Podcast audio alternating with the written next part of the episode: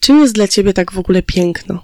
Piękno jest dla mnie jakąś szeroko pojętą estetyką i wiąże się stricte ze sztuką, bo moim zdaniem coś, co jest piękne, niekoniecznie musi być zawsze estetyczne, tylko powinno budzić emocje u mnie w jakiś sposób. Taka jest też trochę definicja sztuki przez niektórych uważana. I właśnie, żeby po prostu było to coś, co ja w personalny sposób odbieram, że mógłby, dajemy na to dany obraz wisieć u mnie w domu, mogłabym ubrać dane ubrania, albo po prostu coś jest estetyczne. Może być dziwne, może być niekonwencjonalne, ale jakby dla mnie wtedy to jest piękne w jakiś sposób, jest szczególne.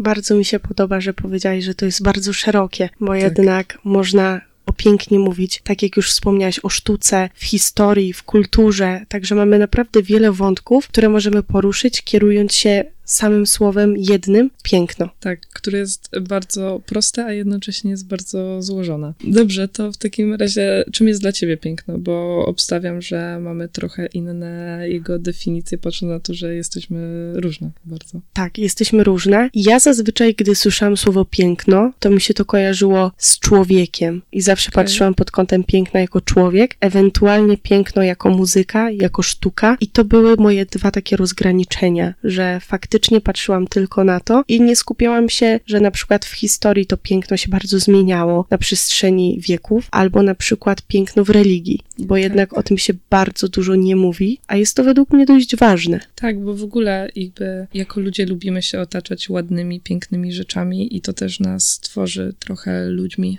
w pewien sposób. Ja odnoszę takie wrażenie, że no na przykład zwierzęta, które żyją w norach, raczej sobie ich nie dekorują, tylko one mają być stricte funkcjonalne, gdzie my, może to też jest związane przez konsumpcjonizm, który jest w naszej kulturze bardzo zakorzeniony, ale że mamy ładny fotel, że jest ładna szklanka w jakiejś Ikei czy sklepach tego typu i po prostu chcemy się nim otaczać, chcemy, żeby ono było bliżej nas. Nie wiem, czy zauważyłaś, ale jak się było młodszym, to hmm. zawsze się miało mówione, że na przykład to nie jest piękne, brzydko się zachowujesz. Tak. Więc już mieliśmy taki pewien obraz tego, co jest dobre, co jest złe, co jest piękne, co jest brzydkie i to było tak w nas... Pajane wręcz, bym pajane. powiedziała w może nawet nieświadomy sposób. I co też jest moim zdaniem ciekawe, że bardzo często piękno jest porównywane z dobrem, a na przykład teraz znowu przechodząc do jakiegoś aspektu sztuki, e, mamy brutalne obrazy na przykład, które po prostu jest na nich, nie wiem, dużo krwi, dużo ujęć, na przykład w filmach, zdjęciach, które po prostu są brutalne, ale jednocześnie dla niektórych one mogą być piękne właśnie przez ten kontrast, ale z takiego założenia, o którym powiedzieliśmy wcześniej, to by było złe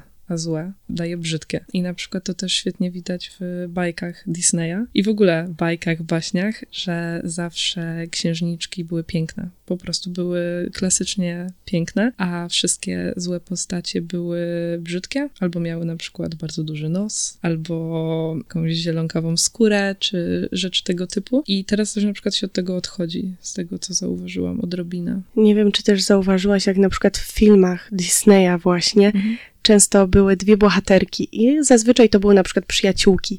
I jedna zawsze była ta piękniejsza, a druga tak. była ta brzydsza w cudzysłowie. I ty patrząc, już potrafiłaś wywnioskować, która to która. Tak, tak, dokładnie. I w ogóle teraz jak się ogląda na przykład bajki, ostatnio widziałam Anastazja od Disneya, że te schematy są strasznie proste i właśnie ta estetyka, która jest zawarta w tych filmach bardzo nakierowuje na konkretny sposób myślenia. To jest też jakaś manipulacja właśnie w dużym cudzysłowie powiedziane. I według mnie to jest najgorsze, bo jednak młode osoby, oglądając coś takiego, już mają pewien pogląd na to, jak powinny wyglądać, jak tak. się powinny zachowywać, i to nie jest dobre. Ja, jako młoda osoba, faktycznie nie zauważałam takich rzeczy, ale potem dorastając, mówię: Okej, okay, nie wyglądam tak, jakbym chciała. Tutaj w tych tak. serialach dziewczyny wyglądają dużo lepiej. Dlaczego ja na przykład mam kręcone włosy, a nie proste, jak wszystkie piękne postacie w bajkach? Tak, dokładnie. Tak samo na przykład teraz się od tego odchodzi, to też jest w sumie gorący temat, że właśnie księżniczki Disneya są przedstawiane w różnych wersjach kolorów skóry, żeby była ta różnorodność, żeby młode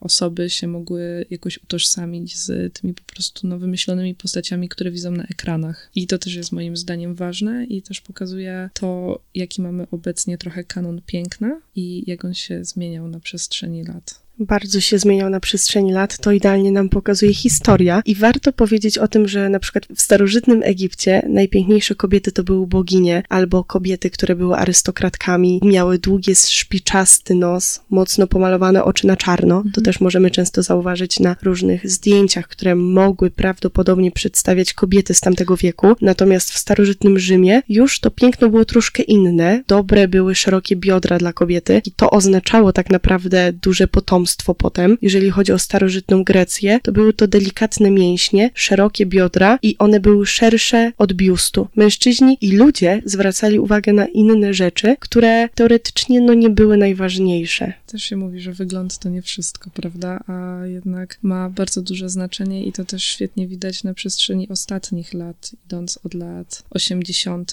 do aktualnego czasu, który mamy, że schemat, jak ma wyglądać sylwetka kobiety, bardzo się zmieniał. Na przykład w latach 80., 90. najbardziej pożądana była figura tak zwana wieszak. Po prostu bardzo chude dziewczyny i to świetnie widać na modelkach, czy tam gwiazdach, które były najbardziej popularne, takie jak Kate Moss, Naomi Campbell, Shalom Harlow na przykład, czy tam Linda Evangelista, gdzie po prostu te dziewczyny wyglądały na bardzo wychudzone i to było bardzo pożądane, gdzie na przykład w latach 2000 to się zaczęło bardzo przebranżawiać. Też wtedy mamy wykwit Kardashianek i Jenner, gdzie zaczęła być o wiele bardziej popularna sylwetka, którą naturalnie mają raczej osoby ciemnoskóre, czyli bardzo zaokrąglone kobiece kształty, duże usta. To się w sumie utrzymuje do dzisiaj, pomimo że teraz mamy o wiele większą różnorodność, bo na przykład też w internecie widać, że wracają trendy właśnie lat 90.,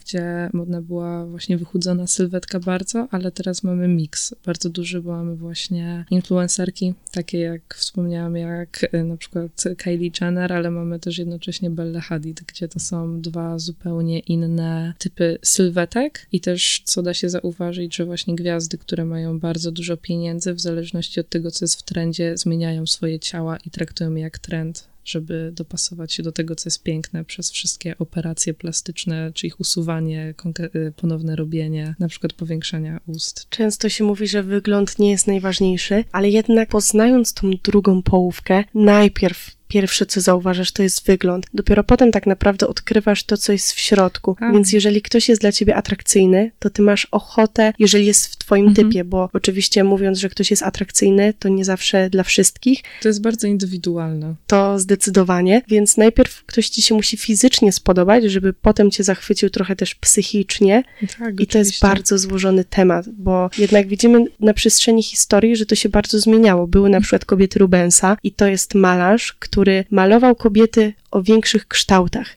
I to było wtedy też bardziej pożądane. Faceci myśleli, że takie kobiety są bardziej atrakcyjne, a teraz na przykład widzimy, że jednak ta moda się troszkę zmieniła. Były też modne gorsety przez bardzo długi czas, chyba przez 100 lat nawet. Tak, a gorsety w ogóle wracają do łask. W poprzednim roku był straszny wysyp właśnie gorsetów. Także widzimy, że wszystko, co było kiedyś modne, wraca i to piękno kobiece, które było kiedyś, też wraca. Tak, jest to bardzo takie cyrkularne, po prostu zatacza krąg. Co jest moim zdaniem to, co mamy teraz, aktualnie jest dobre, bo mamy bardzo dużą różnorodność w typach sylwetek i właśnie, no na pewno w 2016, gdzie była era Tumblera i było bardzo dużo takich ruchu anorektyczno-bulimicznego, że teraz jest o wiele więcej przykładów właśnie różnych sylwetek. Dziewczęta w głównej mierze to są właśnie dziewczyny, mogą się utożsamiać z różnymi właśnie influencerkami, też cały ruch body positivity,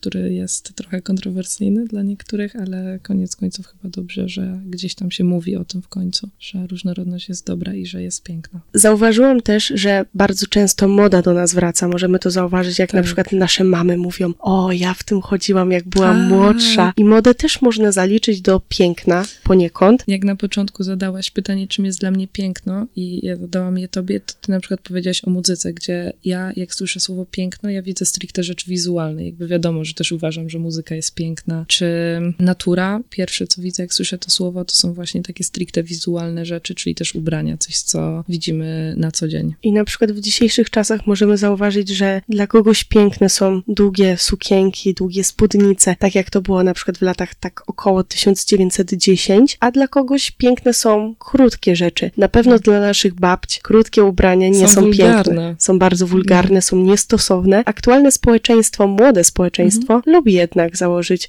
coś krótkiego. Oczywiście nie tak krótkiego, żeby wszystko było widać, ale takie krótkie, delikatne są dobre. Chociaż to też zależy, bo wiadomo, że różne osoby lubią różne rzeczy i jakiś czas temu właśnie Vogue napisał artykuł o tym, że bardzo modne będzie chodzenie w samych rajstopach, co jakby nie patrzeć jest dość skąpą opcją ubioru, w szczególności w Polsce, tak. gdzie mamy trochę bardziej konserwatywne społeczeństwo. Wydaje mi się, że to może jest kwestia tego, że nasze babcie właśnie, one jeszcze patrzą na ten świat troszkę inaczej, bo tak. za ich czasów było inaczej i one się na przykład przykład nie malowały, nie chodziły w rozpuszczonych włosach, mm. tak jak to jest aktualnie. I na przykład u mnie było tak, że babcia zawsze mówiła, zepnij te włosy, tak ci jest dużo ładniej, widać twoją twarz, więc to się troszkę pozmieniało i wydaje mi się, że dopóki nie zmieni się trochę to podejście na świat i na to, że jest taka wolność trochę i każdy może mhm. ubierać to, co chce, tylko oczywiście stosownie, żeby też nie przesadzać, bo wydaje mi się, że są pewne granice, tak jak wszystkiego, to jest to dobre. Tak, ale moim zdaniem a propos naszego tematu, to też jest w jakiś sposób piękne, że mamy różne pokolenia, które myślą inaczej i można podyskutować o tych rzeczach, popatrzeć się przez różne pryzmaty na to i a propos właśnie spiętych włosów. U mnie nie było czegoś takiego, właśnie zawsze było, że Nadia rozpuść włosy, bo masz tak długie i piękne, mhm. ale pamiętam, że pewnego dnia stwierdziłam, że zacznę chodzić w chustce na głowie, takiej typowej babuszce i właśnie przyszłam tak do dziadków i moja babcia była w szoku, bo z jednej strony mi powiedziała, że jakie to jest ładne, jakie to jest piękne, że tak jak kiedyś, że właśnie takie słowiańskie, a z drugiej strony trzeba się trochę śmiać, że no, że jak stara babcia po prostu wyglądam, więc to też jest jakby ciekawy aspekt, że jednocześnie coś może być piękne, na przykład dla niektórych, a jednocześnie w tym samym momencie powodować u nich śmiech, ale też wspomnienia, że to jest bardzo rozległe. To na pewno, ale na przykład jeżeli chodzi o makijaż, to kiedyś nie było czegoś takiego, a jak był makijaż, to był on tak, tak bardzo zarezerwowany dla prostytutek. Aktualnie trzy czwarte młodego społeczeństwa, może przesadzam, że trzy czwarte, ale na pewno połowa. Bardzo duża ilość maluje się, gdzie na przykład starsze osoby nie patrzą na to zbyt przychylnie, bo mówią, masz taką piękną buźkę, po tak, co tak. się malujesz? Ale mi też się na przykład bardzo podoba to, że makijaż w końcu jest uznawany za formę sztuki i ja osobiście się bardzo interesowałam tym tematem swego czasu i rzeczy, które da się po prostu wyciągnąć z kosmetyków i tworzyć charakteryzację, są też przepiękne i no to też jest właśnie, tak jak powiedziałam, forma sztuki. Też jest to, może nie aż tak kontrowersyjny temat jak inne, ale jest jakaś trochę mini kłótnia powiedzmy w społeczeństwie, że dziewczyny bez makijażu, albo że chłopak się nie powinien malować, albo kwestie, które zahaczają o ten temat, gdzie na przykład w starożytnym Egipcie makijaż był zarezerwowany dla mężczyzn. I że jakby to też jest bardzo płynne i że bardzo zależy od społeczeństwa, w którym się wychowamy. Tak samo z tatuażami. To wydaje mi się, że to też jest ważny aspekt, tak, że jednak absolutnie. kiedyś te tatuaże były, ale ludzie będą mówili, że nie było czegoś takiego, że to jest nowe, że aktualne społeczeństwo to sobie wymyśliło, a było na przykład gladiatorzy, mieli te tatuaże, bo mieli chyba numerki, jak dobrze kojarzę. O gladiatorach nie wiem, ale mi, co od razu mi przyszło do głowy, to są po prostu starożytne cywilizacje, gdzie te tatuaże były po prostu elementem religii, jakiegoś kultu, albo po prostu kultury. Właśnie kwestia tego, w jakim plemionie się żyło. Te tatuaże były, są i będą, a na przykład, znowu powracając do naszych dziadków, często tatuaże są kojarzone aktualnie z kryminalną przeszłością. To prawda, bardzo często się to słyszy i nie do końca to jest prawda, bo człowiek może być najlepszą osobą, najbardziej sympatyczną osobą, jaką kiedykolwiek spotkasz, a ktoś może go skreślić przez to, że ma tatuaże, które tak naprawdę nie muszą się wszystkim podobać. To jest jego ciało, on też decyduje, co mu się podoba, co jest tak. dla niego piękne. I mi się też na przykład, po pierwsze, podoba mi się aspekt tego, że mając tatuaże masz element sztuki na swoim ciele do końca życia, no, chyba, że się go usunie laserowo, mhm. ale w domyśle tatuaże mają być do końca życia. I druga rzecz, która mi się podoba, że kiedyś tatuaże, jak miałam się na przykład tatuaże na rękach, czy w widocznych miejscach, no było to niemożliwe, żeby na przykład znaleźć pracę w jakiejś dobrej firmie. Teraz już się na to nie patrzy, odchodzi się od takiego myślenia, bo jest to na tyle normalne i na tyle spopularyzowane, że jest o wiele luźniejsze podejście do tego tematu. Temat tatuaży idealnie mi pasuje trochę też do piercingu, tak. bo jednak on też jest pewnego rodzaju sztuką. Dla kogoś wygląda to strasznie, a dla kogoś jest to po prostu piękne. Tak właśnie dużo ludzi y, ma zdanie, że piercing to jest oszpecenie się. Tak, też to słyszałam. Tak, I że tylko w uszach. Że w uszach ok, ewentualnie na przykład w pępku, bo to jest takie jeszcze miejsce, którego nie widać do końca zawsze i że to jest ok, ale na przykład kolczyki w nosie czy w brwiach są absolutnie przekreślane i też bardzo kojarzone ze subkulturami mimo wszystko. Ja na przykład osobiście też wolę mieć kolczyki w uszach, bo wygląda to dla mnie bardzo estetycznie i ja osobiście nie widzę się w innym kolczyku, w innym miejscu niż właśnie w uszach. Po prostu uważam, że wyglądałabym źle w tym. Ale są osoby, którym faktycznie ten kolczyk na przykład w nosie, taki delikatny, bardzo pasuje i podkreśla tą urodę mimo wszystko. Tak, i to jest też, e, ja uważam, że co by nie mówić, e, kolczyki, w szczególności na twarzy, bo mimo wszystko twarz jest naszą najważniejszą wizytówką, są też trochę formą jakiegoś buntu przeciwko właśnie może, takiego nawet podświadomego, przeciwko jakimś stereotypom i no na przykład mi osobiście bardzo się podobają i ja bym bardzo chciała mieć kolczyki na twarzy, ale też mimo wszystko mam świadomość, że na przykład ciężej byłoby mi znaleźć pracę, bo niektórzy nie uważają, że jest to piękne. Kolczyki to wydaje mi się, że też jest taki kontrowersyjny temat, bo jednak pracodawca może zwracać na to uwagę, że na przykład, nie wiem, pracujesz z ludźmi albo pracujesz przed kamerą i nie możesz tego mieć, bo to się będzie trochę gryzło z tym wizerunkiem, ale są osoby, które powiedzą, ok, to jest twoje ciało, tobie się to podoba, to sobie to noś. Nikomu nic do tego. Tak, tak samo jest z paznokciami moim zdaniem, że na przykład bardzo długie paznokcie są uważane, to właśnie jest rozstrzał, bo ja się spotkałam z dwiema opiniami, że y, długie paznokcie są uważane za eleganckie i to też taki trochę stereotyp, że jak ktoś ma właśnie długie paznokcie, to nic nie musi robić i po prostu leży z rękami -hmm. do mhm. góry. Druga opinia na ten temat, że długie paznokcie są właśnie nieeleganckie, że są bardzo kiczowate i przeszkadzają we wszystkim, gdzie na przykład moim zdaniem paznokcie to też jest bardzo duża forma sztuki, bo tak samo to, co można stworzyć na paznokciach za pomocą lakierów i żeli, to jest sztuka po prostu. Wydaje mi się, że tak samo można by było zaliczyć do tego, że paznokcie momentalnie poprawiają trochę wygląd, może nie zawsze, ale na przykład ja mam bardzo krótkie palce, więc jeżeli ja sobie zrobię długie paznokcie, to dla mnie one są dużo bardziej atrakcyjne, są po prostu piękne. Tak, optycznie wydłużają w ogóle dłoni. Wymieniłyśmy tutaj kilka elementów piękna dla niektórych ludzi, bo oczywiście nie możemy tutaj wrzucać wszystkich do jednego worka. Dla kogoś tatuaże, piercing albo paznokcie będą piękne, a dla kogoś po prostu niekoniecznie. Ale to piękno przejawia się nie tylko w takich rzeczach, ale również na przykład w kulturze, w różnych filmach. I co ci się pierwsze rzuca do głowy, jeżeli słyszysz piękno, film? Pierwszym tytułem, który mi przychodzi na myśl jest Czarny Łabędź. Jest to film z 2010 roku w reżyserii Aranowskiego i jest to film, który operuje jak dla mnie przepięknymi kadrami i opowiada też przy okazji piękną historię. Główną aktorką jest tam Natalie Portman, która też była uważana za ikonę i dalej nią jest i też jest uważana za bardzo piękną osobę, a film opowiada o balecie. Cała historia właśnie skupia się na po prostu balecie Jeziora Łabędziego. I dlaczego przyszło mi to do głowy? Ponieważ sam balet dla mnie jest trochę równoznaczny z pięknem. Zawsze taki był, zawsze balet właśnie kojarzył się z czymś szalenie estetycznym, z bardzo dużym nakładem pracy, ale mimo wszystko ładnym. Co mi też przychodzi na myśl, to to, że jest to tak na dobrą sprawę piękno w bólu, gdyż jakkolwiek by nie mówić, baletnice cierpią katusze chociażby mordercze treningi, czy też dieta, która musi być utrzymana, ale chyba główną rzeczą, o której wydaje mi się, że niemalże każdy wie, to są stopy baletnic, które są tak na dobrą sprawę zmasakrowane właśnie przez ciągłe treningi. Kwestia tego, że spektakl, który jest cudowny, jest okraszony przepiękną właśnie muzyką, strojami i historią samą w sobie, jest tak na dobrą sprawę podbity bólem, gdzie ból nie jest piękny, jest czymś, od czego staramy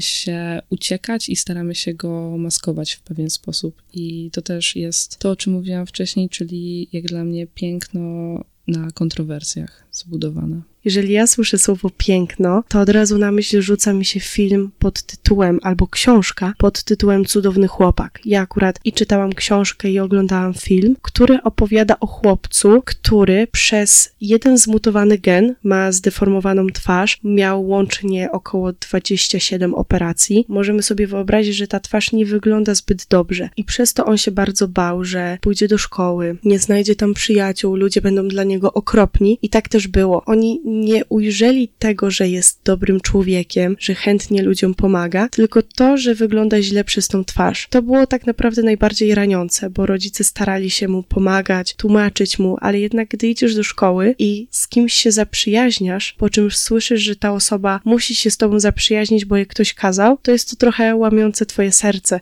No oczywiście, że tak. A jednak ten chłopiec miał około 10 lat, 11, gdy poszedł do szkoły, bo wcześniej miał naukę domową, mama go uczyła i nagle idzie do szkoły, poznaje przyjaciół, którzy tak naprawdę są podłożeni przez dyrektora, który każe im się przyjaźnić z nim, żeby nie było mu przykro. Tak, to też jest na swój sposób bardzo przykre, że dzieci nie do końca rozumieją czasami, jak się zachowywać w takich sytuacjach i z naszej perspektywy to się wydaje okrutne, w pewien sposób, ale tak na dobrą sprawę ja uważam, że te dzieci nie do końca może były świadome ja też nie widziałam tego filmu, mhm. ani nie czytałam książki, muszę się przyznać, aczkolwiek widziałam zwiastuny i miałam go w planach obejrzeć, ale bardzo się bałam e, rozklejenia się.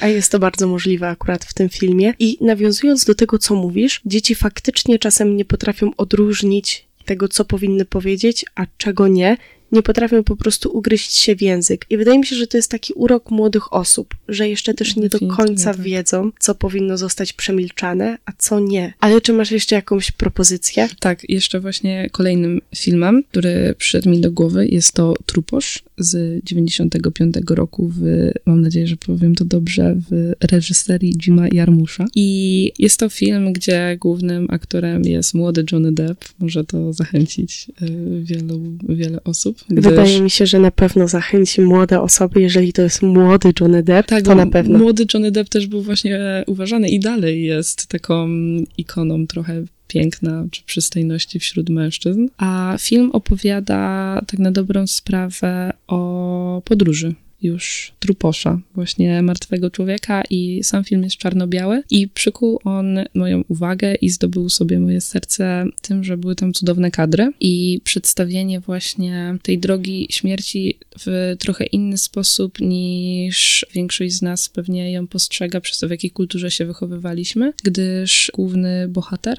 w filmie przemierza tą drogę, ale ta droga jest pokazana w taki sposób, odbierają śmierć Indianie i że jest to po prostu swego rodzaju podróż przez rzeczy, które przeżyliśmy albo które musimy przeżyć i co też mi się bardzo podobało, że oglądając film zauważyłam bardzo dużo kadrów, które nawiązywały do mm, religii chrześcijańskiej. Na przykład taką sceną, która mi chyba najbardziej zapadła w pamięć, był kadr małego baranka, który po prostu został zamordowany, zabity przez prawdopodobnie inne zwierzę. I w naszej kulturze religii baranek kojarzy się z czystym dobrem i pięknem, a tam było to właśnie z kolei zrobione znowu na kontrowersji i w tym filmie on nie miał aż tak dużego znaczenia, bo właśnie dla wierzeń Indian baranek nie jest symbolem i tylko natura sama w sobie, cały cykl życia, który też jest piękny, właśnie, że człowiek się rodzi i umiera i jest to elementem cyklu i że cały cykl, cała podróż ma być w zamyśle piękna. Po prostu, że wszystkie krzywdy, które przeżywamy, czy radości są jej elementem i to tworzy człowieka. Nie oglądałam tego filmu, ale powiem ci, że bardzo mnie zachęcił. Jest on ciekawy i faktycznie można wiele elementów zauważyć, które może na pierwszy rzut oka nie do końca nam wpadną do głowy, ale za na przykład drugim razem już zobaczymy te elementy, że to piękno jest tam przedstawione, mimo tego, że to jest dość taki dramatyczny jednak film.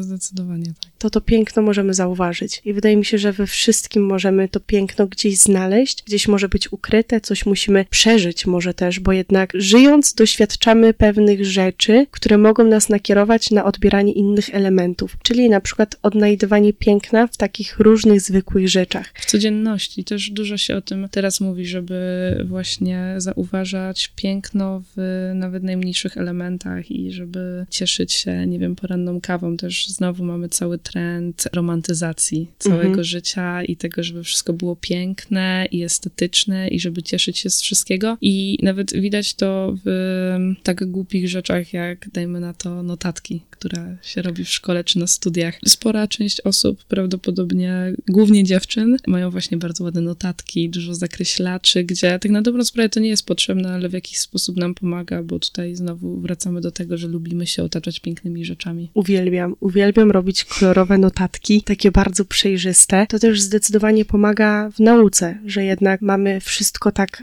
przejrzyście, ładnie. To jest na swój sposób dobre. Dzięki temu możemy bardziej efektywnie się uczyć. Dużo osób nie potrafi żyć bez pewnych elementów, czyli na przykład makijaż. Ja czasem wolę pospać 20 minut dłużej, nie pomalować się, nie wyglądać jakoś mega korzystnie, ale są dziewczyny, które uważają, że bez makijażu są brzydkie, po prostu i dlatego wstawają wcześniej, poświęcają dużo czasu na naprawdę dobry makijaż, bo dzięki temu one się czują lepiej. Właśnie ja trochę uważam, że to jest to choroba naszych czasów. Jestem, osobiście jestem jak najbardziej za makijażem i za wyrażaniem siebie. Nigdy nie byłam typem osoby, która, nie wiem, śmiała się z innych dziewczyn, że noszą tapetę na mhm. twarzy, czy szpachle, czy jak to się mówiło w gimnazjum. Aczkolwiek uważam, że jeśli dochodzi do sytuacji, gdzie bez tego zewnętrznego elementu, którym jest makijaż, nie czujemy się komfortowo ze sobą, też jest warto nad tym popracować, bo mimo wszystko to jest tylko fasada jakaś, którą się przedstawiamy, ale koniec końców to piękne jest w nas i w tym, jakimi osobami jesteśmy i wiadomo, że nie będziemy rozmawiać z nikim, kto nas obrzydza, dajmy na to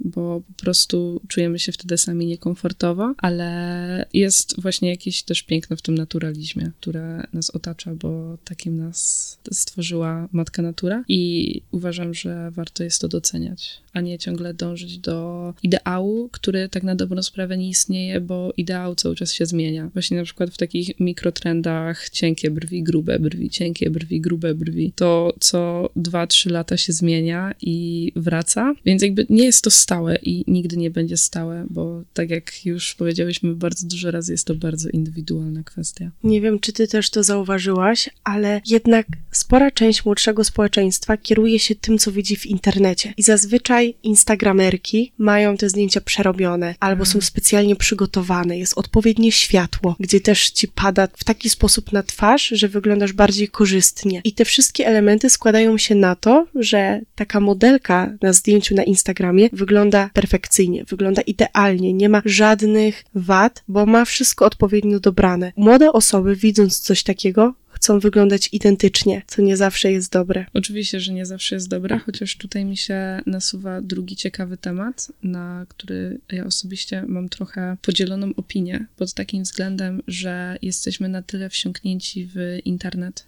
i w wszystkie social media, gdzie są one elementem życia niemalże każdego człowieka. Wiadomo, że koniec końców żyjemy tu i teraz w świecie i ten telefon czy komputer, laptop nie są światem naszym, ale jest go na tyle dużo, że co jeśli dochodzimy do momentu, gdzie mamy tak na dobrą sprawę dwa życia i po prostu możemy absolutnie kreować siebie i w internecie możemy być właśnie super influencerką z najlepszymi kadrami, idealną twarzą, makijażem, włosami, wszystkim, gdzie tak na dobrą sprawę będąc tu na co dzień w Katowicach, nią nie jesteśmy i to też jest ok, gdzie po prostu w momencie, kiedy, dajmy na to, potrafimy sobie to podzielić i nie wpływa to na naszą psychikę, chociaż nie wiem, czy to jest w ogóle możliwe, żeby to nie wpływało na naszą psychikę, to nie wiem, czy jest to aż takie złe. Wiadomo, że ma to wpływ na na pewno młodsze osoby, właśnie Instagram w głównej mierze, czy teraz też TikTok, ale jest to na pewno ciekawy temat. Bardzo doceniam osoby, które tworzą pewne treści na Instagramie na przykład, które nie boją się pokazać od razu po przebudzeniu, że wyglądają tak. niekorzystnie. I zauważyłam, że coraz więcej osób coś takiego takiego wstawia. Może właśnie ze względu na to, żeby pokazać młodym osobom, że nie zawsze wygląda się dobrze, że halo, słuchajcie, to co jest na Instagramie, to nie zawsze jest prawda. Tak, i ja też właśnie na przykład bardzo lubię to, że jak są makijażystki na przykład, które robią cudowne makijaże i potrafią zmieniać twarz, pokazują się w tym makijażu, ale zaraz później pokazują się, jak mają go zmyty i mówią, że ej, to też jest okej, okay, bo ja jednocześnie mogę być właśnie tą osobą w charakteryzacji jakiejś, ale jestem też sobą tu i teraz w pełni naturalnej wersji i obie te rzeczy są piękne. Może młode osoby muszą jeszcze dojrzeć do tej decyzji, że i w makijażu, i bez makijażu wyglądają pięknie. Nie iść za tymi trendami, które są aktualnie. Ja kiedyś uważałam, że dzwony są okropne.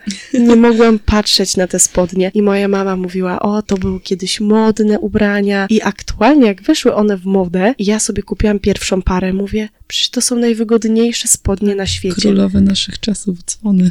Dokładnie. I zobacz, jak to się potrafi też szybko bardzo zmieniać. Więc może właśnie ktoś musi dojrzeć do pewnej decyzji, żeby zobaczyć, że to nie jest złe, że to też jest tak. piękne, to też jest fajne. Absolutnie, ale a propos dzwonów, wspomniała mi się sytuacja, o której w sumie zapomniałam przez większość mojego życia. Była w podstawówce i brałam udział w jakimś przedstawieniu i właśnie mama ubrała mi dzwony. Byłam totalnie zażenowana tym, że są to dzwony. Miałam wtedy maksymalnie 10 lat i pamiętam, że moje koleżanki tak trochę pół żartem, pół serio miały takie, o mój Boże, to masz dzwony, ha, ha, ha. A aktualnie siedzę tutaj w dzwonach.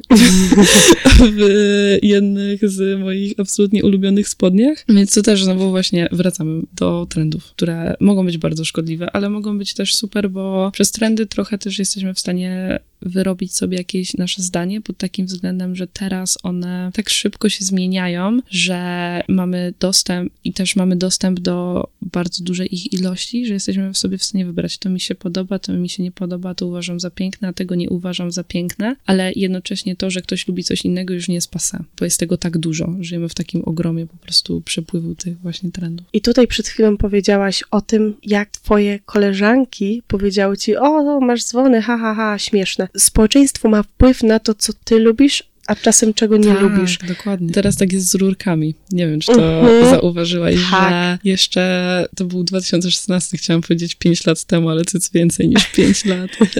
7 lat temu. No. Rurki były absolutnym hitem i szerokie dzwony były pase i były no, bardzo niesmaczne, a teraz zauważyłam, że jak ktoś ma rurki, to się patrzy na niego z takim trochę przymrużeniem oka, bym powiedziała, mhm. że okej, okay, noś co chcesz, bo żyjemy w społeczeństwie, gdzie każdy może się ubierać jak chce i akceptujemy wszystkich, ale z drugiej strony mm, to nie jest takie, jak mi się podoba, to nie jest trendy. Mhm. To jest na zasadzie, rozumiem, że tobie coś się innego podoba, ale, ale. nie do końca akceptuję.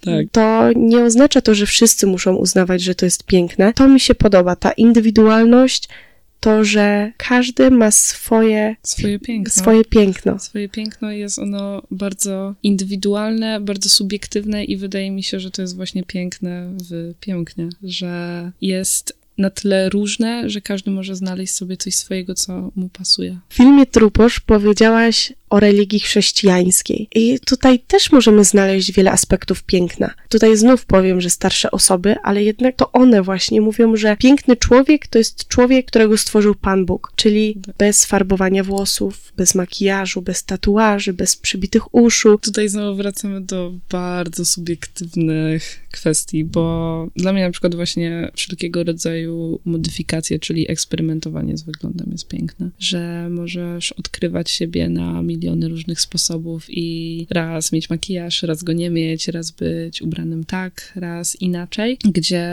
właśnie w różnych religiach się to różnie przejawia i na przykład, co mi też przyszło do głowy, to, że w religiach e, wschodnich bardziej, czyli mówimy głównie o muzułmańskiej religii, e, nosi się hijaby, burki. Duża część osób mimo wszystko uważa, że to nie jest piękne, że jest to zakrywanie twarzy, gdzie na przykład u podstaw tak na dobrą sprawę religii chrześcijańskiej też to mamy, bo zakonnica, jakby porównać wygląd mhm. zakonnicy do wyglądu kobiety, która jest członkinią tamtej religii, nie różni się on jakoś bardzo a mimo wszystko jesteśmy w stanie krytykować osoby za to, w jakich kulturach się wychowały i w co wierzą i co oni uznawają za piękne. Nie wiem, czy też to zauważyłaś, ale często społeczeństwo mówi, że kobieta jest naturalnie piękna. Nie potrzebuje niczego, żeby wyglądać pięknie. Ale w ogóle kobiety to piękna płeć. Tak? Oczywiście, że tak, ale gdy przychodzi coś do czego, to nagle wszyscy zwracają uwagę na to, że o, tutaj ma niewyregulowane brwi, tutaj jakiś pryszcz wyszedł, mogłaby przykryć to na przykład korektorem. Dlaczego tak. mówimy, że człowiek jest naturalnie piękny, ale potem krytykujemy go za takie drobne rzeczy, które są częścią tej naturalności jednak? Ale to też mi przyszło do głowy, że właśnie, jak powiedziałaś, że zwraca się na to uwagę u dziewczyn. Ja od razu pomyślałam o na przykład chłopakach, którzy mają trądzik, i mhm. żyjemy w, mimo wszystko dalej w takich czasach i kulturze, gdzie noszenie makijażu przez chłopaków źle się na to patrzy w większości. I na przykład jeśli dziewczyna zasłania sobie trądzik korektorem, jest to normalne, powiedzmy, nikt na to nie zwraca większej uwagi, ale jeśli robi to chłopak, żeby poczuć się piękniej albo żeby po prostu zakryć jakąś swoją niedoskonałość, prawdopodobnie zawsze spotka się z elementem krytyki. To też jest moim zdaniem bardzo niesprawiedliwe. Powolnymi kroczkami docieramy do tego, gdzie dbanie o siebie nie jest uznawane za coś, co jest niemęskie. Mhm. Pomimo, że na pewno część osób dalej uważa, że e, chłopak, który farbuje włosy jest niemęski, bo tak go nie stworzył Pan Bóg.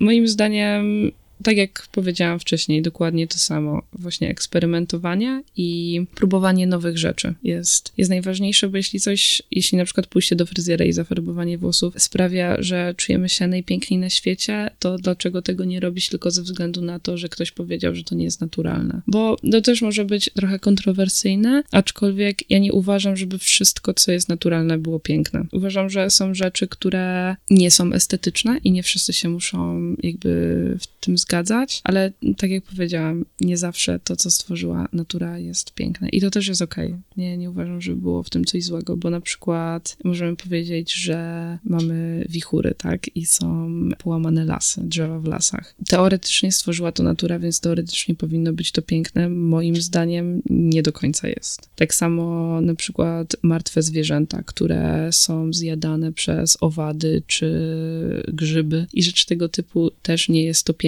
a mimo wszystko tak to stworzył w cudzysłowie Pan Bóg. Więc wracamy do jakby pytania w sumie, czy tak jest, czy tak nie jest. Czym jest piękno i czy w ogóle da się je zdefiniować, skoro ma tyle kwestii i zostawiamy Was z tym pytaniem.